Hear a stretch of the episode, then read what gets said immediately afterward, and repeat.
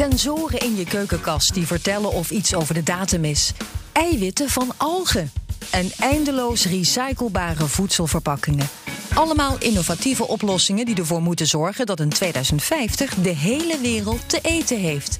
En dan ook nog eens op een gezonde en duurzame manier. Dieren blijven een onderdeel, alleen we moeten dit op een hele andere manier gaan inrichten. Het is natuurlijk totaal doorgeslagen en, en dat is verkeerd. Dat opeens voedselonzekerheid niet alleen ondervoeding is, maar tegelijkertijd obesitas en overgewicht. Dat die twee heel erg nauw aan elkaar verbonden zijn. Dat je zelf in een vertical farm je plantjes gaat oogsten bijvoorbeeld. Daarvoor ga je naar een supermarkt. In de podcast Voeding van Morgen praat ik, Maud Schreurs, met de voorlopers op voedselgebied.